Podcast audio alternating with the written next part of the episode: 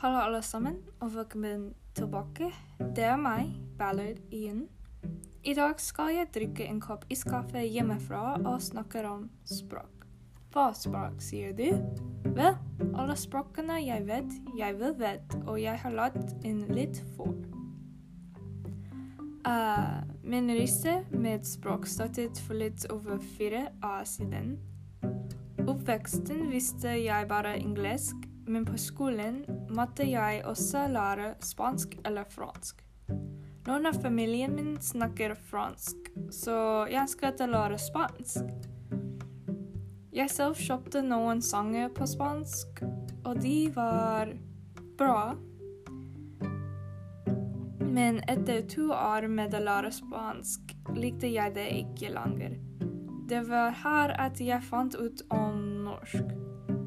I et år tok jeg min siste spanskklasse og lærte norsk alene. På den tiden jeg sluttet spansk, jeg virkelig ønsket å være en astronaut, så jeg prøvde å lære uh, russisk. Læring russisk er en del av treningen så jeg tenkte jeg kunne komme videre. De to andre språkene, fransk og tysk, lærte jeg litt uh, fordi jeg var lei. Nå jeg har lært uh, norsk i tre år, og jeg elsker det. Jeg liker det veldig mye. Jeg hører også på franske og tyske sanger fortsatt hvis jeg føler for det. Jeg jobber fortsatt med norsk men i fremtiden vil jeg vite minst tre språk til.